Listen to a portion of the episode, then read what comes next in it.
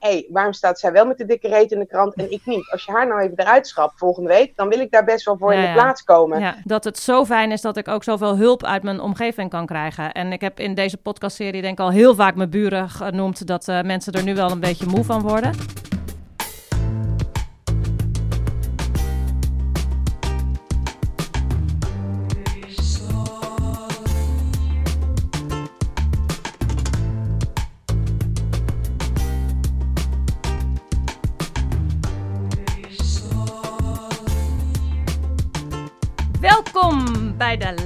Laatste aflevering van deze eerste serie van de Mom You Can podcast. Dit is de podcast voor iedereen die werk en moederschap combineert of wil combineren. In het boek Mom You Can bespreek ik negen succesfactoren voor meer geluk in werk en moederschap. Ik sprak met tientallen vrouwen die hun werk en het ouderschap op een voor mij inspirerende wijze aanpakken. En ik ontdekte een rode draad in hun aanpak die ik voor mijn boek ben gaan uitpluizen. En zo kwam ik tot de 9 Mom You Can succesfactoren. Ik ben Elsbeth Teling, ik ben de oprichter van de Club van Relaxte Moeders, schrijver van onder andere het boek Mom You Can en moeder van Kate en Teun. In deze podcastserie dook ik iedere aflevering in één van die negen succesfactoren die dus zorgen voor meer geluk in werk en moederschap. En vandaag is het tijd voor succesfactor nummer 9. En die gaat over een energieke omgeving en hoe je die creëert. En deze keer doe ik dat met mijn co-host Milou van Beek. Hey Milou. Hey Elsbeth. Hi, hi, hi. Milou, ja, um, nou jullie weten het inmiddels wel. Milou is moeder van Otis van 12 en Nina die inmiddels 9 is. Ze is freelance journalist en auteur en... Um, Milou, we gaan het hebben over een energieke omgeving. En over omgevingen die af en toe energie lekken. Als bij jou nou al je energie is weggelekt, wat, naar wie ga jij dan toe? Wie, bij wie ga jij uh, energie tanken dan? Ja, Um, nou ja, mocht ik eigenlijk niet zeggen van jou, maar uh, jij bent wel een van die mensen waar ik dan naartoe ga. Hmm. Um, omdat, uh, en ik heb nog een paar van die mensen om me heen, maar ik ga dan graag naar mensen die heel uh, erg zijn van het ja, ja, ja, moet je doen, moet je doen. Ja. want dat energie weglekken komt bij mij vaak door heel veel nadenken en veel twijfelen en niet goed weten of ik de juiste beslissing neem. En dan helpt het om naar mensen toe te gaan die gewoon zeggen, ga maar doen en dan zie je ja. daarna wel. Ja, nou, dat is best leuk om te horen. Dat is best leuk om te horen. We gaan dieper in op het onderwerp samen met Mary Jo. Want wij vragen, praten vandaag met Mary Jo de, Leeuw. De Leeuw. Mary Jo is cybersecurity specialist. Um, Milou, jij hebt haar een paar keer mogen interviewen voor verschillende artikelen. En jij zei van, uh, we moeten Mary Jo hebben, dat is tof. Ik hoor haar al lachen. en um, ik heb toen vervolgens ben, uh, ben ook eventjes uh, Google ingedoken uh, op Mary Jo en ik las allerlei artikelen. En volgens mij is het heel erg leuk om Mary Jo over dit onderwerp te spreken. Want ik heb het gevoel dat um, haar leven tot nu toe een behoorlijke zoektocht, een geslaagde zoektocht, maar dan mag ze zo vertellen, naar uh, ja, verschillende omgevingen waar ze energie van krijgt. En dat dat niet altijd vanzelfsprekend is geweest, uh, volgens mij. En ik vind dat echt heel interessant. Sowieso iemand die cybersecurity specialist is, vind ik al heel erg interessant, omdat dat echt een ver van mijn bedshow is. Maar um, nou ja, al met al, ik ben dus super blij dat je er bent, Mary Jo. Welkom. Dankjewel. Veel zin in. Ja, Fijn dat ik er mag zijn. Superleuk. Hey, ik ga eerst even gewoon een paar korte vragen stellen om je even kort een beeld van jou te krijgen. Ja. Um, Oké, okay, uh, uh, je bent dus uh, cybersecurity specialist, maar wat, is je, wat en waar werk je op dit moment? Ik ben nu interim programmamanager cybersecurity bij de Nederlandse Spoorwegen. verder ben ik executive director van het platform Internet of Toys. En dat is een platform dat zich bezighoudt met speelgoed, dat verbonden is uh, met het internet. En verder ben ik internationaal toezichthouder. Ik ben onder andere uh, onderdeel van de Raad van Toezicht van Sinop. Ja. Om het even samen te vatten. Ja, hey, dat uh, klinkt als dat je wel meer dan 24 uur bent. Hoeveel uur in de week werk je? Weet je wat het is? Wat ik doe, voelt vaak niet als werken. Ja. Dus ik weet niet zo goed hoe ik dan uren zou moeten nee. benoemen of wegzetten ja. als, als werk. Ja laat ik het zo zeggen, ik slaap gemiddeld 6,5 uur per nacht. En uh, ja, de rest uh, doe ik werk, nadenken, ja. Ja. Alle dingen die ik leuk vind, ja. Hey, we zitten in de podcast Mom You Can, dus um, ja, ik neem zomaar aan dat je ook kinderen hebt. ja, nee, vertel. dat klopt. Yes. Ik heb uh, drie zonen. Govert is acht jaar, Julius is 11 jaar en Maurits is 13 jaar. 13 jaar. En dat lijkt me, ja, drie jongens. Lijkt me ook nog best wel een drukte. Dus uh, hoe doe je dat? Uh, hoe organiseer jij of jullie, uh, hoe organiseren jullie dat thuis? Nou, ik heb sowieso één regel. En dat is dat ik onder snelkeuze 1 op mijn Spotify het liedje heb staan Who Run the World. dus op het moment dat het te druk wordt, of ik vind dat ik te weinig me-time krijg, of te veel gezeur aan mijn hoofd, dan grijp ik naar mijn telefoon. En als mijn kinderen al zien, oh ja, ze zitten in de Spotify, dan weten ze vaak al hoe laat het is. Dus dan gaan ze snel, uh, snel naar boven. Mm -hmm. Verder heb ik een. Uh, dus een eventjes voor de ja. luisteraars al tip 1: Who Run the World Girls. Maar je kan er ook van maken: Who Run the World Moms. Die, uh, ja. Precies, ja. ja. En um, zeg maar de overtreffende trap in dat liedje van Who Run the World. Mochten de kinderen het na één regel, en het zijn er eigenlijk vier, niet gehoord hebben. Dat is dan Who Run the motherfucking world. Dus okay, mocht het ja. na vier zinnen niet duidelijk, dan kun je ja. het altijd nog even wat kracht erbij zetten. Uh, ik heb verder wel uh, een hulp die twee keer in de week komt. Uh, vier uur. Die doet alle dingen waar mijn hart niet sneller van gaat kloppen. Zoals schoonmaken en strijken onder andere. Ja. En verder heb ik ook een echtgenoot met wie ik de, de taken gewoon verdeel. Ja, ja. En um, ja, die jongens die gaan naar de middelbare en de basisschool. Of nog allemaal naar de basisschool, zo te zien. Nee, de oudste zit in de brugklas en de middelste zit in groep 8 en de jongste zit in groep 5. Ja, en op dit moment zijn ze veel thuis, want de scholen zijn op dit moment nog niet helemaal open. Klopt. En uh, ben jij ook thuis aan het werk? Uh, deels, omdat uh, nou ja, de organisatie waar ik nu grotendeels mijn uren aan besteed, die verplicht iedereen thuis te werken, waarschijnlijk ook tot het einde van het jaar. maar ik heb een vriendin. En die heeft een kantoor, een groot kantoor in Zoetermeer, waar een kamer van vrij staat. Met aparte ja. opgang, helemaal gescheiden van de rest. En daar trek ik me minimaal één dag in de week terug. En dat heeft ermee te maken dat ik bijvoorbeeld op dinsdag, omdat ik best wel op hoog niveau opereer in de organisatie, Mhm. heb ik uh, calls waarbij ik me heel e ja, enorm moet concentreren. Ja. En waarbij ik soms heel hoog over met best wel belangrijke mensen moet praten. Ja. En ondanks dat we allemaal thuis moeten werken, is het nat dan als daar dan kinderen doorheen rennen Nee. of schreeuwen of ik afgeleid word. Nee. Ja, en dan helpt dat liedje Who Run the World, uh, world uh, toch niet voldoende. Dus, uh, Nee, als ze trek hebben, dan moet er toch echt een tosti in. Dus ja, dat, dat Ja, gaat dan even niet. een Ja. tosti in, ja. Hey, we gaan het hebben over een energieke omgeving eh, en een energieke omgeving creëren. Krijg jij energie van thuiswerken? Eh, nul. Nee, Nul. dat is voor mij één groot eh, energielek. Sterker nog, daar krijg ik ook echt eh, regelmatig moordneigingen van. Dus die dinsdag is eh, eigenlijk een lifesaver. Ja, dat is echt uh, heilige me-time. En al staat de wereld in de fik, al komt er een tweede coronapandemie. Dinsdag ben ik op kantoor en ben Ja. ik ver weg van alles en iedereen. Ja, Ja, ja. Fijn dat dat nog kan. En dat iedereen nog leeft bij jou thuis. Daardoor. Hey, ehm, ik heb eh, voor mijn boek Mom You Can dus negen succesfactoren geïdentificeerd. Ehm, ja, de negende, de laatste succesfactor is dat je een, eh, ja, een energieke omgeving hebt. Want ehm, ja, je kunt alles allemaal zelf nog zo goed op een rijtje hebben. Een succesfactor is bijvoorbeeld positief ingesteld zijn. Je kunt misschien goed zijn in loslaten, goed kunnen compartimentaliseren, oftewel focussen, goed zijn in hulp vragen. Maar als je omgeving je niet ondersteunt, hè, of je omgeving energie zuigt, dan draagt dat natuurlijk ook niet bij aan eh, geluk op je werk of in het leven met je kinderen. En die omgeving die kan dan van alles zijn, inderdaad, werkomgeving en privéomgeving. Nou, wat ik net al zei in mijn inleiding, eh, Mary Jo, als ik over jou lees, dan zie ik eh, dat een passende omgeving die echt jou als een jas past, niet altijd vanzelfsprekend is geweest. eh. dus ik wou eigenlijk, eh, ja, ik denk dan gelijk ook aan wat ik over jou las als tiener en de vriendinnen die je toen had. Dus ja, hoe, hoe was dat en hoe is het nu? Kan je dat eh, voor mij schetsen? Of is dat een te grote vraag?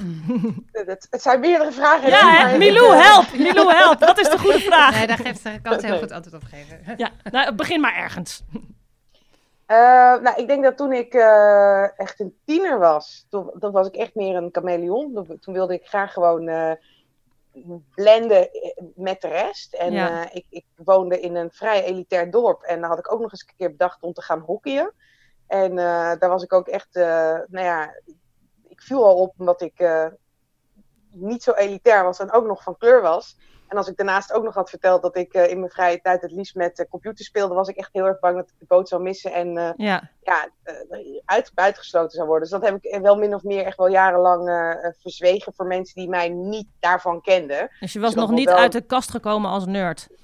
Als de, uit de IT-kast, nee. De IT-kast, ja. ik had natuurlijk wel uh, eh, IT-vrienden met wie ik uh, dingen deed, met wie ik dingen onderzocht, met wie ik op bulletin board zat bijvoorbeeld. Um, maar echt de mensen met wie ik bijvoorbeeld hockeyde of met wie ik blij op de middelbare school uh, stiekem zat er ook in het fietsenhok, die wisten hier niet, hier niet van. Nee, dat klopt. Ja. En had dat effect op jou? Um, nou, uiteindelijk wel. Want ik, ik, ik heb nu, zeg ik ook altijd tegen mensen van je, je moet uiteindelijk kunnen zijn wie je wil zijn. En je moet dat doen waar je hart sneller van gaat kloppen.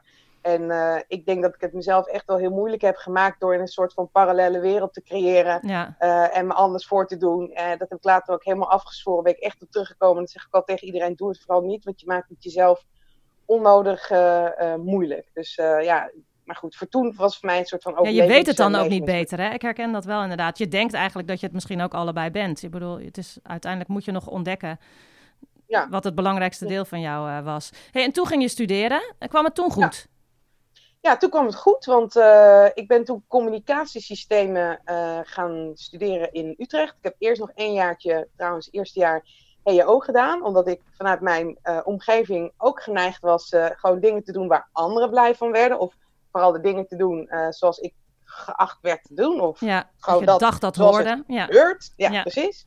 En daar werd ik heel ongelukkig van. Dus ik ben na een maand of zo, of twee, ik weet niet eens meer. Ik, zat vooral in de kroeg veel bier te drinken, ben ik gestopt met die studie. En toen ben ik in mijn tweede jaar ben ik communicatiesystemen gaan doen.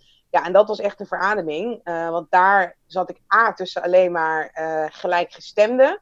En mocht ik echt de dingen doen die ik leuk vond, dingen onderzoeken. Uh, nou ja, dat, dat was echt gewoon een nieuwe, nieuwe wereld die voor mij openging. Dat is echt schot in de roos, ja. Ja, en wat gebeurde er toen met jou? Wat deed dat met jou? Dat ik ineens hele hoge cijfers haalde. En ehm, hele mooie stageplaatsen aangeboden kreeg, banen aangeboden kreeg. ik ook echt door mijn medestudenten op handen gedragen werd vanwege nou de hoge cijfers, de inzicht, de discussie. Ehm, ja, ik was er echt, uh, ik, ik, was er echt heel erg, uh, heel erg op mijn plek. Ja. Leuk. En ik moet ook nu denken aan wat je in het begin zei toen ik vroeg hoeveel uur werk je. Uh, toen had je waarschijnlijk opeens ook niet meer het idee dat je heel hard aan het werk was voor die studie. Want ja, nee. dat is eigenlijk nee. waar je het gesprek mee begon. Ja. Uiteraard, ja, dat klopt. En ik had in het studentenhuis waar ik woonde, zeg maar de kamer die ik had, aan de achterkant keken andere huizen daarop uit. En om de hoek kwam een nieuw, ja, een, nieuwe club jongens wonen, ook een studentenhuis. En uh, daar maakte op een avond kennis mee met, met bier en sigaretten, zoals dat gaat in die tijd. En toen zeiden ze ook van, oh, is deze kamer van jou? Oh, jij bent degene wiens computer altijd 24 uur per dag aanstaat. Dus, dus die hadden mij nog nooit gezien. Maar die kennen alleen mij als schim vanwege het feit dat die computerschermen ja. ja. Uh, uh, aanstond. Maar dat bleek ook een nerd te zijn, zeg maar, met dezelfde kwalificaties. Dus daar ben ik echt heel goed bevriend. Daar heb nog steeds contact mee ook trouwens. Leuk. Ja. Dat was, uh, was ook heel leuk, ja. Uh, jij bent eigenlijk dus al heel snel uit die eerste studie gestapt, omdat je merkte dat dat niet uh, bij je paste. Maar dat is eigenlijk best wel dapper hè, op die jonge leeftijd. maar je had dus wel snel die signalen door dat je daar. Ja. En was dat moeilijk om toen die beslissing te nemen? Nee, want ik denk dat ik anders ook al van die studie weg gewoon eraf getrapt was. Dus het was of ik werd eraf getrapt of ik nam zelf de beslissing. Dus het was ja. een beetje rennen voor het vuur uit. Dus ja, nee, dat was, dat was niet zo uh, heel moeilijk, nee. Nee. Hey, je kreeg daarna, na die, uh, de, de, je, de goede studie, kreeg je al... Uh, oh, er komt even een vliegtuig voorbij. um, je kreeg na die studie, kreeg jij, wist je wat je wilde, hè? En toen ging je dus aan het werk. Um, de werkomgeving waar je toen in terecht kwam, was dat de omgeving waar je energie van kreeg? Of waar, wat was je eerste baan? Um, ik heb uh, tijdens mijn, zeg maar, in de fase van mijn afstuderen werkte ik als callcenter manager. En daar deed ik achter de schermen deed ik ook het hele IT-gedeelte van het callcenterpakket wat draaide in het, in het callcenter. Dus echt van het hele software en de aanpassingen. Daar werd ik wel blij van. Maar echt van het mensen toespreken, coachen, motiveren. Ja, weet je, en, ja. hypotheken laten verkopen. Vond ik helemaal gezegend. Daar ook niks mee. Um, en daarna heb ik gedacht van ik wil bij een consultancy club uh, gaan. Ik weet niet, dat leek me gewoon een prestigeproject. Dus dan heb ik een contract getekend bij CNG.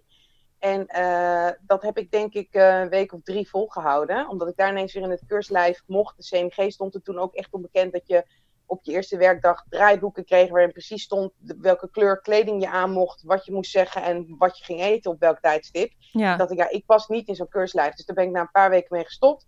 En toen ben ik uh, vrij snel voor mezelf begonnen. En een van de eerste opdrachten die ik deed, dat was bij een, een bank. En daar deed ik de vertaling tussen interactive en electronic banking en um, de directie. Dus die directie had Ja. geen idee wat, ik noem het maar even, de nerds, ik zeg het even onderbiedig, deden. En de nerds hadden geen idee wat de, de directie wilde. Ja, En dat waren echt de eerste stappen naar wat je nu hebt, bijvoorbeeld mijn ING en mijn ABN, nou, et cetera. Eh, ja, en daar was ik helemaal, helemaal op mijn plek. Ehm, en was ook heel gek, omdat ik daar ook wederom de enige vrouw was. Ehm, maar desalniettemin ja, was het de tijd van mijn leven. Daar heb ik echt eh, veel geleerd. En daarna ben ik eh, eigenlijk altijd op die voet verder gegaan. Dus ik heb veel voor mezelf gewerkt en in die hoedanigheid ingehuurd geweest. Bijvoorbeeld door het Nationaal Cybersecurity Centrum, twee jaar lang. Ehm, ik, ik, ja, ik heb op verschillende ja, opdrachten gezeten, zowel Rijksoverheid als eh, heel commercieel, Nationale Nederlanden, van Ja. alles en nog wat. Ja, en wel veel eh, in de mannenwereld. klopt. Ja, En is dat fijn? ik hou er wel van, ja. Ja. Maar, Maar het heeft er, maar je Ja, hebt het- toch de behoefte gevoeld om op een gegeven moment eh, de, de Women in Cybersecurity, wat is het, eh, organisatie, team, eh, op te richten. Stichting, ja, in eh, Stichting. 2012. En dat, dat had er vooral mee te maken dat ehm, waar ik toen werkte, ehm, wa- waren er nog twee andere vrouwen met wie ik toen ook die stichting opgezet heb. En het gebeurde ons regelmatig dat als wij ergens waren, ehm, nou ja, dat wij gevraagd werden om eh, nou, de faciliterende rol te vervullen. Dus om bijvoorbeeld een jas op te hangen of... eh, oh ja. nou, maar daar was je niet voor aangenomen da- toen. Man, echt, ik heb andere kwaliteiten. Of om eh uitrijkaarten uit te delen voor de parkeergarage. Terwijl ik dacht, hallo, ik ben de closing keynote. Ik ben hier gevraagd voor mijn kennis. ja, Ehm, en toen dacht ik, dat is eigenlijk wel gek als dat mannen gewoon denken dat vrouwen alleen maar faciliteren. Dus toen dachten we, als wij nou een groep vrouwen die hetzelfde doen eh, bij elkaar brengen, dan kunnen we en gezamenlijk eh, reizen. Want vaak op conferenties ben je ook de enige vrouw. ja, Eh, en dat vond ik nog wel eens ongemakkelijk. En dan kan je met elkaar kennis delen. Kun je kijken hoe je met elkaar verder komt. Elkaar kijken of je banen kan toeschuiven. En zodoende hebben we dat opgericht. En met ook als doel het over de hele wereld uit te spreiden. We zijn met drie vrouwen begonnen. Op het moment dat wij dachten, nou, nu is het mooi geweest. De, ehm, we stoppen ermee, want er zijn inmiddels ook andere initiatieven in het, in het leven gekomen. Eh, toen zaten we op 2000 vrouwen wereldwijd. ja. Ja, en dat was echt wel ja. gaaf. En merk je een andere energie tussen die vrouwen en... eh nou, dat is een beetje een open vraag, maar, Internationaal of in Nederland? maar ja, zeg het maar. Ehm, Is het anders Nou, met die, laat- als je met die vrouwen samen bent? Hoe anders is het want, eh, dan wanneer je tussen al die mannen werkt? Nou, laat ik het zo zeggen. De vrouwen die ik heb ontmoet in het buitenland, eh, ja, sommigen hebben echt een onuitwisbare indruk op mij achtergelaten. Ik heb bijvoorbeeld eh, een voorbeeld. Toen ik twee jaar geleden in Kuala Lumpur was, ben ik eh, in contact getreden met een andere vrouw. De andere vrouw die ook daar zou spreken, was een dame uit Londen. Eh, Zoe heet ze. En daar had ik van tevoren al contact gemaakt van, hé, hey, ik dat je er ook heen gaat. Kwamen ongeveer hetzelfde moment aan en we hebben s'avonds gegeten. We hebben drie dagen lang non-stop met elkaar geborreld en leuke dingen gedaan. En vandaag zat ik eh, op een eh, webinar over de trends in cybersecurity met die dame in een panel. Ehm, dus dat is dan voor andere mensen een beetje irritant, want het begon nog gelijk met. Ah. Eh, maar dat geeft wel aan dat maar de vrouwen in het buitenland met wie ik contact heb gehad, eh, daar heb ik altijd contact onderhouden. Word ik ook door uitgenodigd op het moment dat ik bijvoorbeeld in het buitenland ben, in een land, om te spreken. Ehm, en in Nederland vind ik, ik, ik ga even iets heel lelijks zeggen, ehm, vind ik dat er echt best wel veel queen bee gedrag is. Dus dat je niet als vrouwen eh, elkaar helpt, maar dat je bijvoorbeeld nou, lelijk eh, Ja? over elkaar spreekt of achter je rug om dingen doet. En een voorbeeld daarvan, en dat, dat zou waarschijnlijk Milou kunnen, kunnen onderbouwen. We zijn eh, jaren geleden gevraagd met Women in Cybersecurity om een paar pagina's, eh, om een portret van ons op te maken in, eh, in een krant, het FD, op zaterdag. Super cool om te doen. En ehm, wij hebben toen vijf dames vanuit ons netwerk werden bij elkaar gevoegd, mooi portret van gemaakt. En een aantal dames die ook in ons netwerk zaten, gingen achter onze rug om. Toen de adjunct hoofdredacteur, als ik het niet vergis, of in ieder geval de eigenaar van, dat, van die katern, uh, mailen en, en aanspreken op van... hé, hey, waarom staat zij wel met de dikke reet in de krant en ik niet? Als je haar nou even eruit schrapt volgende week... dan wil ik daar best wel voor in de plaats komen. Nou, en daar viel echt mijn mond van open. Omdat het ook vrouwen waren die ik had geholpen aan een baan... of op een mooie plek op een podium uh, van een conferentie in het buitenland... Uh, dat ik echt dacht, serieus? De, de, de, je, je, gaat niet maar rechtstreeks benaderen om daar iets van te vinden, maar je gaat achter onze rug om. Ja. Gewoon op zo'n manier mensen mijn rug steken. Dat, dat is echt wat ik expliciet alleen maar in Nederland oh. ja. um, heb meegemaakt. En dan en ook in ook... jouw beroepsgroep, manager, want dat vroeg ik me nog even af. Of dat, uh, ja. ja. Ja. Oh. Juist. Ik, ik heb daar niks van meegekregen toen. ja, dan moet je maar eens. Uh, ja. nou, ik, ik, ik, wil geen namen noemen, maar ja, dat, dat, ik heb ook mails toen doorgestuurd gekregen om dat uh, te illustreren. Ja, er waren echt mensen die, waar, waar ik echt wel veel, die ik hoog had zitten en waar ik veel zelf voor deed. En dat heeft mij echt wel ook versneld doen beseffen dat ik met die Women in Cybersecurity in Nederland wilde stoppen. Omdat het op dat moment toch toen wel een energielek. Uh, een energielek, ja. ja. Heb je een idee waar dat uh, door kwam? Dat ze, de, die reacties? Is dat dan jaloezie? Of, of, um, en dat dat dus in Nederland misschien wat sterker is dan uh, internationaal? Ja, ik heb het idee wel, als ik kijk naar connecties die ik internationaal heb, daar zijn we echt gewend om elkaar te helpen en verder te helpen. Ik zit bijvoorbeeld ook uh, op LinkedIn zit ik in een groep Women in Cybersecurity Worldwide met 50 vrouwen. En uh, ook echt van, vanuit het Midden-Oosten tot aan uh, Zuid-Afrika. En wij helpen elkaar allemaal. En um, dat is echt een dynamiek waarvan ik echt denk, yeah, sisterhood. Hè? Dus ik, ik haal ook vaak Madeline Albright aan, die als quote heeft: There's a special place in hell for women who don't help other women. Ja, ik geloof heel erg in sisterhood. Zeker in een wereld waarin uh, heel weinig vrouwen zijn, vind ik, je moet elkaar helpen. En dan niet ja, op een vilijne manier, maar gewoon met een oplossing. En echt dat hele vilijnen en dat achterbaks, ja, dat, dat ken ik echt eigenlijk alleen maar uit, uh, uit, uit Nederland. Hoe, hoe gek misschien dit ook klinkt. Ja. Hey, ik moet aan denken uh, aan een uh, model wat ik heb gebruikt in uh, mijn boek Mom You Can. Dat gaat over um, of, je, of je omgeving energie geeft of energie lekt. Dat, dat, dat ligt eigenlijk aan, um, aan of er in je netwerken vitale ruimte is. Dat heb ik uit een boek van Ilke Wielinga, Netwerken met energie. Ken je dat begrip toevallig, vitale ruimte? Nee. Nou, het is een model. Je moet het even zien als twee assen, een horizontale en een verticale as. Op de uh, op de horizontale as uh, heb je aan de ene kant uh, dat er balans moet zijn tussen je eigen belang en gemeenschappelijk belang. Hè? Dus er moet een balans zijn tussen ik en wij.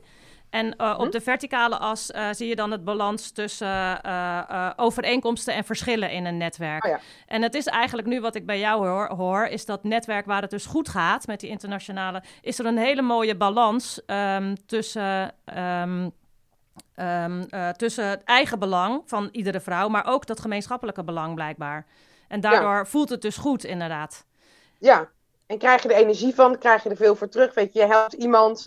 Uh, ik heb bijvoorbeeld iemand geholpen en toen was ik vorig jaar gevraagd uh, om een keynote te verzorgen bij de World Forum for nou, Foreign Investment. En eh, daar zat een hoge baas van, van EY een dame die ik ook had, had ontmoet, overigens ook in, uh, in Maleisië. Ja, en die zei, uh, kom, kom op kantoor. En die hadden, ik denk dat zijn 150 dames werkzaam in cybersecurity uit Australië opgetrommeld, inclusief de partners van Ernst Young, met borrel, meet and greet. Het was fantastisch. Ja, uh, ja. ja en, en, en dat is dan weet je, haar manier om iets terug te doen voor, het, voor de manier waarop ik haar geholpen heb. Hoeft ja. helemaal niet, maar ik vond het geweldig om zo andere vrouwen te helpen. Ik mocht ook een presentatie daar geven, andere mensen helpen. Ja, ik, ik heb met heel veel vrouwen heb ik nog contact. Ik heb ook een baan aangeboden gekregen toen in Australië. Ja, weet je, en daarvan denk ik, zo kan het ook. Weet je, dat je elkaar ja. helpt en dat je er op, alle, op je eigen manier gewoon energie van ja. krijgt. En dat je inderdaad dus de verschillen deelt. Ja. Uh, maar ook de overeenkomsten gewoon uh, omarmt. Ja, maar ik vond het een interessant model, uh, omdat je, je kan zo natuurlijk naar je werkomgeving kijken, inderdaad. Hè. is er een ja. balans tussen eigen belang en gemeenschappelijk belang? Hebben we overeenkomsten, maar zijn er ook voldoende verschillen om het interessant te maken? Ja. Um, dit, dit model was echt bedoeld voor in, in werkomgevingen. Maar je kan eigenlijk ook goed in vriendengroepen kijken. Want ik had op mijn Instagram-account had ik aan mensen gevraagd: hoe zit het binnen jouw omgeving? Heb je ook omgevingen waar, of netwerkjes die heel erg energielekken en wat zou je erbij willen? En toen kreeg ik best wel veel reacties van vrouwen die zeiden: Ja, nee, ja, ik heb dat wel inderdaad, maar hoe ga ik daar dan mee om? Hoe kom ik daar weg? En ik denk dat je met dat model ook naar een vriendengroep kan kijken, hè? of naar collega's inderdaad. Uh, ja. Um, Want hoe doe jij dat, uh, Mary Jo, als je mensen in je omgeving hebt die je niet nou, het beste in je naar boven halen? heb jij daar of tips voor andere vrouwen als je nou ja, merkt dat je van iemand uh, niet heel blij wordt? Hoe ga jij daarmee om? Dan neem ik daar, uh, hoe moeilijk soms ook, met een warme hand afscheid van. Ja. Maar actief afscheid of laat je het verwateren? Want dit, is, dit nee, was best wel een prangende. Ja, want dit was best wel een vraag waar veel vrouwen mee uh, rondlopen, merkte ik toen ik er naar vroeg. Van hoe stap je ja, uit je... een netwerk bijvoorbeeld? Nee, ik, ik, zie dat dan meer als een soort van relatie die je uitmaakt. Dus dat je even het gesprek aangaat en dat je ook zegt van goh, ik merk bijvoorbeeld door de jaren heen. Um, ik, ik, geef een voorbeeld. Ik had een vriendin uh, vroeger en iemand met wie ik ook in het studentenhuis woonde, waar ik eerder aan refereerde. En wij gingen samen gelijk op. Uh, ze deed een andere studie en wij gingen na onze studie gelijk op qua dingen die we van het leven wilden. Mm -hmm. We gingen ongeveer op hetzelfde moment trouwen. Uh, we, we, beklommen de, de, de, maatschappelijke ladder op hetzelfde moment. Ja. Tot zij kinderen kreeg. En zij echt niet meer uit het wereldje kwam van tepelkloven, uh, uh, weet ik veel, fruit, hapjes. Ja. Allemaal prima. en dat is ook natuurlijk onderdeel van je leven. Maar ineens had ik voor mijn gevoel ook een vriendin verloren. Omdat we niet meer die gemeenschappelijke ambitie deelden. Ja, die, in in, in de, ba de balans tussen overeenkomsten en verschillen was uit het lood geslagen. Minder overeenkomsten, ja. Ja, en als ik daar dan kwam, dan ging het ook alleen maar over mijn kind, mijn kind, mijn ja. kind, mijn kind. En daar heb ik op een gegeven moment tegen gezegd hoe moeilijk ik het ook vond. Maar toen dacht ik, ja, we doen onszelf hier geen plezier mee. En, wil je dat ik mijn moordneiging een beetje onderdruk, dan moet je mij niet meer hier uitnodigen en dit soort gesprekken met me aanknopen. Dus daar heb ik toen wel tegen gezegd van, joh, beste, nou, die en die. um, ik merk nu ja. door de jaren heen dat onze interesses alle kanten, verschillende kanten opgegaan zijn. En het is logisch, hè, want ik bedoel, vroeger dronk je chocomel en tegenwoordig hou je misschien meer van bier of wijn of, of fristie, whatever. Um, zullen we, uh, ik, ik, ik, ik wil graag mijn eigen pad volgen. Uh, dus bij deze, ja, wil ik eigenlijk onze vriendschap uh, verbreken. Dus ik heb het meer als een ja. soort van, ja, verkering ja, die, je dan, die je dan uitmaakt. Heb jij nu nog vriendschappen uh, waarvan je denkt van... oh ja, nee, die moet ik eigenlijk nog bellen, maar ik heb er geen zin in. Uh, nou, die bel ik ook niet. Nee. Milou, heb jij, heb, jij, heb jij nog van die losse eindjes waarvan je denkt... Ik heb wel van... veel losse eindjes. Ja? ja, ik ben, ik ben niet zo heel erg rechterzee. Ja, nou, ik nee, heb namelijk laatst geconstateerd het... inderdaad. Uh, ik denk dat heel veel mensen dus wel van die vriendschappen of kennissen hebben die dan weer bellen van oh zullen we dit en dat doen, maar dat je denkt van ah, pff, ik heb er geen. Ik heb laatst geconstateerd ja. dat ik het niet meer heb, dat ik ook er nu van. Dat je niet en... meer gebeld wordt.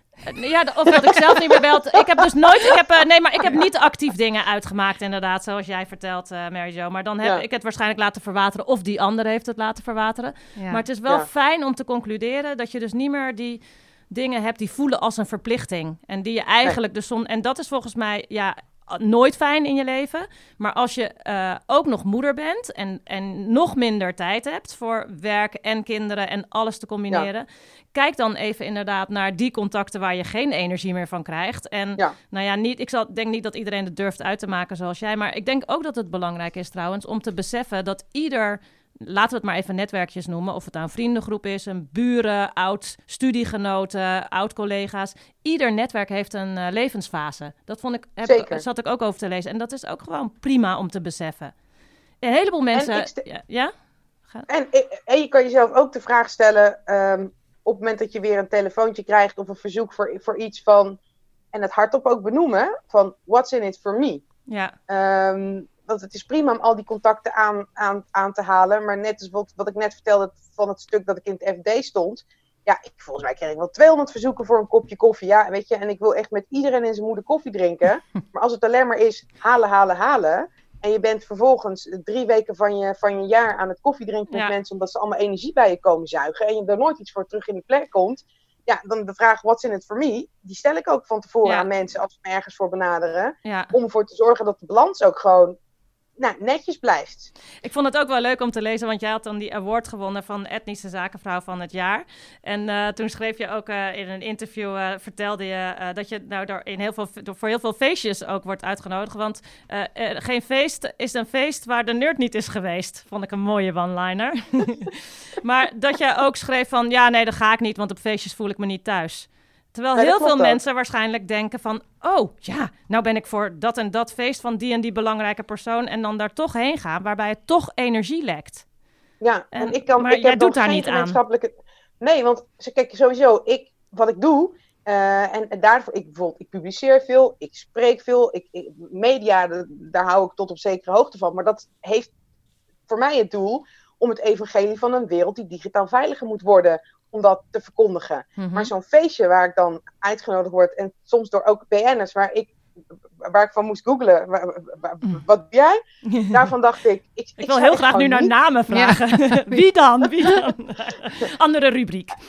ja, andere rubriek. Ik, ik zal het je na aflopen. Ik zal ja. maar, ehm, ja? Oh, je bent, ja, dan denk ik, wat, wat ga ik daar bespreken? Weet je? En dan zie je mensen die komen. Als ik, al, ik kijk niet vaak tv, maar als ik tv kijk en ik zie ze voorbij komen, dan zep ik weg. Nou, dat is toch echt wel een soort van teken aan de wand dat, dat de mensen waar ik voor weg zet, dan ga ik niet mee in de ruimte een biertje drinken. Ik bedoel, waar ga ik, waar ga ik met ze over hebben? BN'ers boeien me niet. Uh, de verlovingsring van Sylvie Meis. I couldn't care less. Dus wat is onze ja. gemeenschappelijke wel, deler dan? Wat wel leuk hiervan is natuurlijk, waar veel vrouwen, waardoor het bij veel vrouwen misschien dit lastig vinden, is dat ze nogal eens willen pleasen. En als bij jou volgens mij iets niet aan de hand is, dat jij een enorme pleaser bent. Of zeg ik nou iets... Uh... Nee. dat ben ik wel geweest vroeger, maar ja, uiteindelijk ging ik daar bijna zelf van onderdoor. Dat ik dat dus inderdaad alleen maar kopjes koffie zag, zat te drinken met uh, iedereen en zijn moeder. Uh, en banen had waar ik me eigenlijk niet happy voelde, omdat ik dacht, ja, andere mensen worden hier blij van et cetera, et cetera. En op, ik heb op een gegeven moment echt voor mezelf de balans opgemaakt van wil ik nou ja, uh, blij ouder worden, dan moet ik echt wel wat, wat dingen ja, met, met, met de schaar doorheen en op de delete-knop drukken. Dus dat geldt voor banen, mensen, uh, kantoortuinen waar ik een hekel aan heb, maar dat geldt dus ook voor dat soort netwerkjes. Ja, en pleasen, um, tuurlijk, dat is één ding, maar je kan ook pleasen door op een hele vriendelijke, beleefde manier uh, die uitnodiging voor dat feestje af te uh, je af te melden. Maar dan bijvoorbeeld nog wel de suggestie doen, mocht je ooit gehackt worden of je telefoon is geconfiskeerd, kun je me altijd bellen, weet je. Dan is het toch niet een hele harde nee, maar toch een soort van, ik vind het heel vervelend, maar kijk, ik doe toch nog een handreiking. Dus ja. dat voelt me ook wat minder ja, lullig om dan toch nee te zeggen. Oké, dus de tip is inderdaad, uh, word je uitgenodigd of zit je nog in een vriendschap of in een netwerk waar je geen energie voor krijgt en waar je eigen belang dus eigenlijk te weinig is, want het gaat uiteindelijk om jij moet er iets uithalen, dan zeg je durf op de delete-knop te drukken. Ja, en zeker nu we nog voor een groot gedeelte allemaal te maken hebben met uh, nou ja, thuisisolatie en uh, work from home, thuiswerken, ja. is dit ook een mooi moment uh, om, om die knop om te zetten. Al dan niet actief laten verwateren. exact. Want op het moment dat je naar buiten gaat, weet je, heb je toch ook weer druk met alle andere vrouwenzaken, kapper, nagelstudio, weet ik veel, nieuwe wimpers. Ja, Dan kun je ook gewoon zeggen, je staat even onderaan de lijst, dus... Uh, je kan het nu actief uh, verwateren en met corona kom je ermee weg. Hey, sommige, soms heb je ook in een omgeving waar je misschien niet zo makkelijk uitkomt. Ik had namelijk ook uh, toen ik de reacties van veel vrouwen kreeg, ook wel wat klachten over, um, over schoonmoeders die bijvoorbeeld energie lekken. Kijk, dan is het misschien niet zo leuk om op de delete-knop te drukken bij je schoonmoeder. Maar ehm, ja, ik moest daarbij heel erg denken: wat is, wat is je zone, wat is je cirkel van invloed en je cirkel van betrokkenheid? Hè? Waar heb je invloed op met je schoonmoeder en waar niet op? Maar wat, wat ja, ik, ik zal het niet vragen naar, specifiek naar jouw schoonmoeder. maar, Mag wel hoor, die luistert toch niet. Dus. Maar heb je een uh, tip voor voor vrouwen die, uh, die veel te vaak naar energielek hebben naar hun schoonmoeder, moeder, tante, buurvrouw. Ja. Mensen. Waar ze toch mee opgeschreven. Waar je eigenlijk, je kan ze niet deleten. Je kan ze niet deleten, maar wat maar ze in zuigen mijn wel. geval, oh, enorm. Wat ik in het beginsel heb gedaan bij mijn schoonmoeder, zoals gezegd, ze luistert toch niet. die kon mij echt overvallen. Weet je, dan had ik me voorgenomen, ik ga me beeldig gedragen. Maar die had op alles had ze wat te zeuren. Dus dan had ik bijvoorbeeld zwarte kleren aan. Heb je nou alweer zwart aan? Ja, dat zie je toch. En dan, maar dan ga je helemaal vanuit nu, Voor de mensen thuis ook, nu heb jij zwart aan. Nee, kijk. Oh, donkerpaars. Donkerpaars, maar dat kunnen we moeilijk zien via Zoom. Bijna zwart, ja. Ehm, dus ik heb op een gegeven moment ook gedacht van ja, dan wil je niet vanuit de negativiteit gaan reageren. Dus wat ik in het geval van mijn schoonmoeder heb gedaan, is in de palm van mijn hand uh, gewoon twee of drie one-liners die heel gematigd zijn, maar die wel eigenlijk haar terug in de hok stoppen, opgeschreven. Dat op het moment dat ze mij overviel, en dan ging het bijvoorbeeld over de kleur van mijn kleren, of voor mij part de hapjes die ik geserveerd had bij de borrel. Um, je had gewoon een spiekbriefje. ik had gewoon een spiekbriefje in mijn hand, maar gewoon niet om Maar niet genoem er meer eens één, noem er eens. Ja, ik wil nu ook weten. Ehm, nou ja, dat was bijvoorbeeld eh, over let's agree to, eh, to, to disagree. Dan ze had altijd commentaar. Stond ik bijvoorbeeld in de keuken om hapjes te maken. Dat was niet goed, want dan stond ik te lang in de keuken en hadden we niet bijgepraat. Maar had ik bij wijze van spreken, omdat ze de vorige keer vond dat ik te lang in de keuken gestaan, drie eh, kaarsjes opengeritst en een stokbroodje op tafel gekwakt, dan had ik niks voor de over. Dus ik had op een gegeven moment gewoon een, zo'n one-liner van... ik probeer het iedereen nou naar de zin te maken. De ene keer krijgt de een meer de zin dan de ander. Maar ik zorg ervoor dat jij de volgende keer weer optimaal bediend wordt. Nou, klinkt heel sympathiek. Eh, maar eigenlijk zeg je gewoon shut the fuck Ja. up. En Ja. eh, wees blij dat je wat Ja. te eten krijgt. Oké, dus, eh, dus van tevoren nadenken over wat je kan overvallen en eh, zinnetjes oefenen. Ja, Ja, en opschrijven. Weet je, Ja. en dan gewoon subtiel. En je kan ze dan ook, als je het eng vindt, oefenen. weet je, met, met voorlezen of bijvoorbeeld op een, op een stickertje plakken. Wat, wat mijn schoonmoeder ook nog deed. Toen stond ik met mijn rug naar de, de keukentafel. Toen stond ik bijvoorbeeld hapjes te maken. En precies op het moment dat ik met mijn rug naar haar toe stond, begon ze te, nou, filijne dingen te zeggen. Maar dan had ik gewoon een, zo'n geeltje, had ik eh, binnen handbereik geplakt. Dus dan hoef ik ook niet zo in mijn hand, maar dan kon ik gewoon zo'n geeltje voorlezen. Dus eh, ik dacht, Briljant. dit gaat mij Ja. niet gebeuren. Ja, Ja, maar ja, wat Dus ik dat zelf ook nog zat te denken, ehm, je hebt geen invloed op haar karakter of de, de persoon waar je dan energie van eh, lekt. Eh, heb je geen invloed op degene's Nee. karakter, maar je hebt wel invloed op de frequentie bijvoorbeeld, Ja. eh, waarmee je die persoon ziet. Dus eh, inderdaad, moet je echt elke week met je hele familie weer naar je schoonfamilie? Of eh, ja. Ja. dus daar... Nou, ik kan me nu ineens herinneren, Mary Jo, dat jij mij ook een keer een berichtje stuurde. In december waren we ergens over aan het eh, LinkedIn of zo. En toen zei je dat jij elke kerst eh, eh, altijd weg bent. Ja, En daar ook klopt. heel duidelijk in bent naar alle families. Oh nee, je gaat toch Ja. niet met kerst naar familie? ik ga niet met Ik ook niet. Ik heb die ook afgeschaft inderdaad. Ja, maar dat is Ja. natuurlijk wel eentje van de categorieën die heel veel mensen heel moeilijk vinden. Ja, Ja, maar ja. Maar het, het is ook, weet je, het is, het, als, je, als je het begint met, ik noem maar wat. Ja, we zagen een fantastische aanbieding die we echt niet konden laten lopen. En nu met corona hebben we allemaal in de zomer niet op vakantie gekund. En we waren echt toe aan eh, een weekje weg. Dus wij maken van de aanbieding gebruik. Maar helaas betekent dat we dit jaar met kerst niet aanwezig zijn. ja. Maar volgend jaar beloof ik maken we het goed. Ik bedoel, doe je niet. Maar dan toon je wel eh, initiatief. En je, je hebt een excuus. En je zegt ook wel, ik vond het heel leuk de afgelopen tien jaar. Maar wij willen echt even zon tanken. En eh, ik, ik hoop dat je het begrijpt. En nou, weet je, dan heb je al een heel ander vertrekpunt. Dan dat je zegt van, eh, eh, ik haat jullie allemaal. En daarom Ja. ga ik weg met kerst. ja. ja. Ik zeg ook altijd van, ja, ik moet met kerst eh, zon hebben. Want anders dan... eh, eh, Ja. wordt Depressief. lichtelijk depressief. Ja. Daar heb je er gewoon pillen voor. Maar mijn excuus is altijd, altijd ja, nee, zon. Ja. kerst. Even Ja. het jaar breken. Ja. maar ja, volgens mij is de belangrijkste boodschap inderdaad... eh, eh, realiseer je welke relaties energie kosten. Doe er wat aan, hè, als dat kan. Kan je er niks aan doen, zit je met ze opgescheept inderdaad. Eh, Kijk dan waar je wel invloed hebt. En die zinnetjes vind ik een mooie. Inderdaad, kijk hoe vaak, wat de frequentie is, wanneer je diegene wil zien. En, had ik ook nog bedacht...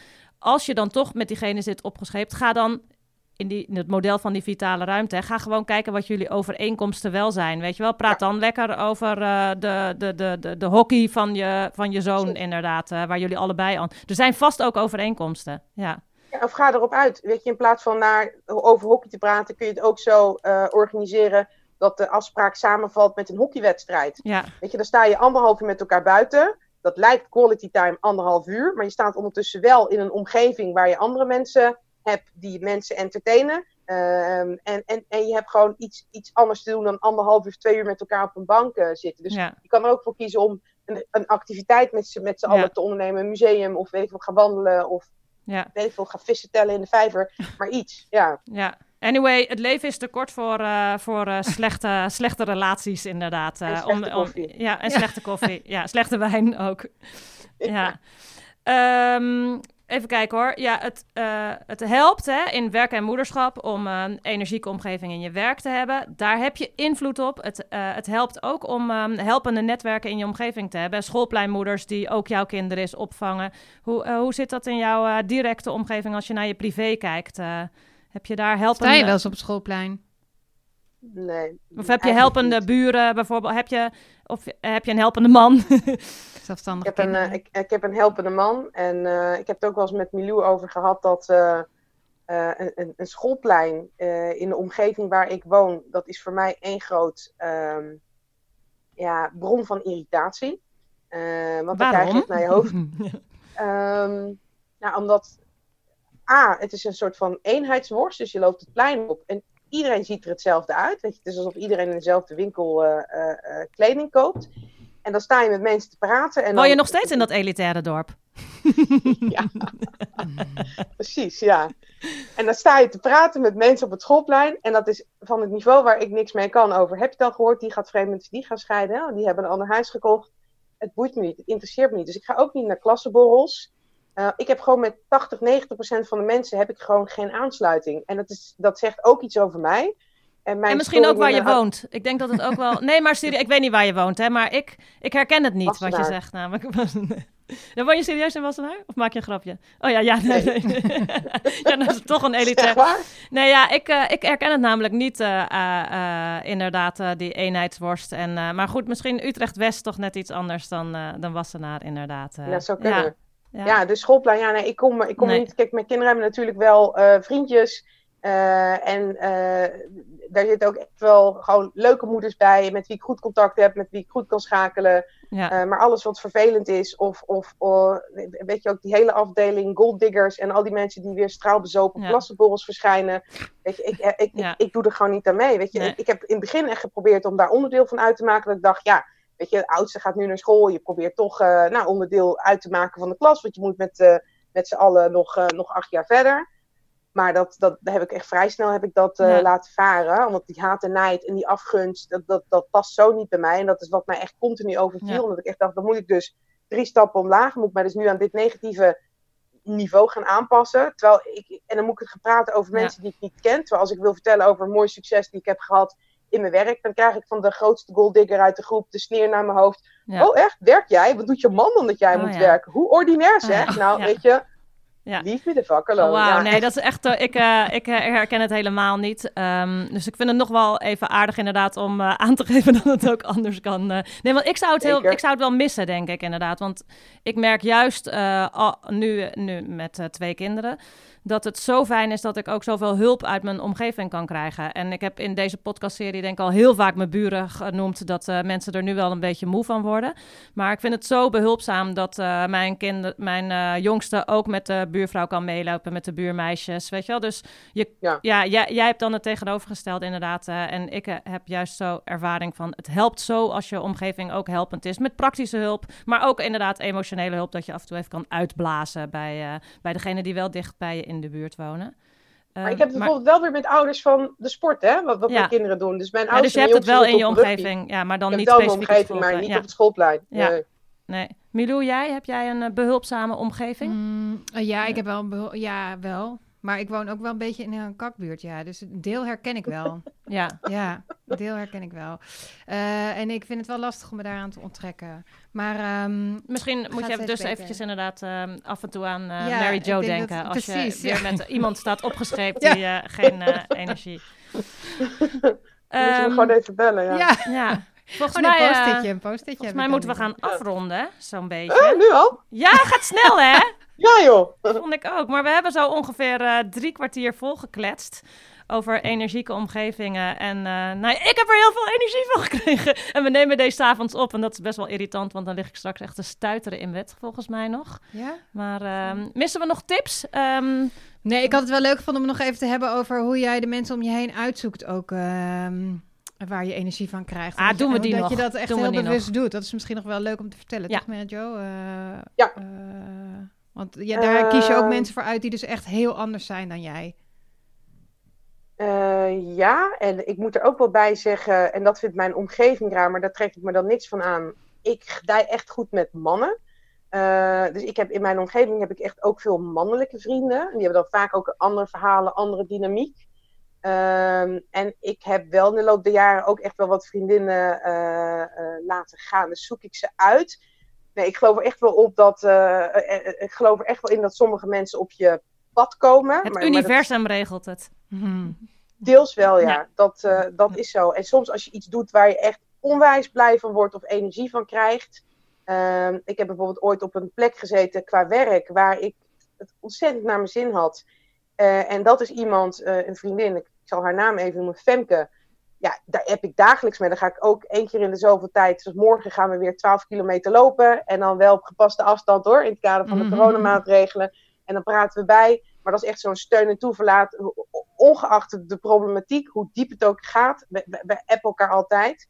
Ehm, maar ik zit toch overwegend wel veel. En ik, ik, het is misschien erg om te zeggen, omdat het toch ook de- vooral voor vrouwen is bedoeld dat ik toch ook echt wel heel veel met mannen Ja. eh, omga. En dan hou ik allemaal netjes, hè? gewoon handjes netjes boven de dekens. Maar ik gedij echt wel goed eh, tussen mannen. Ja. Ja. Ja. Ehm, nou, eh, ik ben in ieder geval blij dat je op ons pad terecht bent gekomen. En dat je toch eventjes dit gesprek met twee vrouwen gewoon heel vloeiend hebt eh, gedaan. Ja. Nee, superleuk. Ehm, want eh, ja, over, over een energieke omgeving creëren. Ja, volgens mij zouden we er nog wel een uur over kunnen doorpraten. En ik heb nog allerlei tips en voorbeelden in mijn boek staan. Dus dat is natuurlijk dan voor iedereen mijn volgende tip. Ga, lees Succesfactor 9 in het boek Mom You Can. Maar en we ronden... een community daaromheen trouwens, even als aanvulling? Kunnen Eh, mensen ook ja, daarna nog ja, op ja, Facebook of ja, iets ik heb op? Facebook, eh, Facebook de besloten gemeenschap, eh, de gemeenschap, de besloten Facebookgroep Mom You Can. En daar kunnen we inderdaad door discussiëren en daar kan je meer op lezen. En daar geef ik de tipjes van de sluier.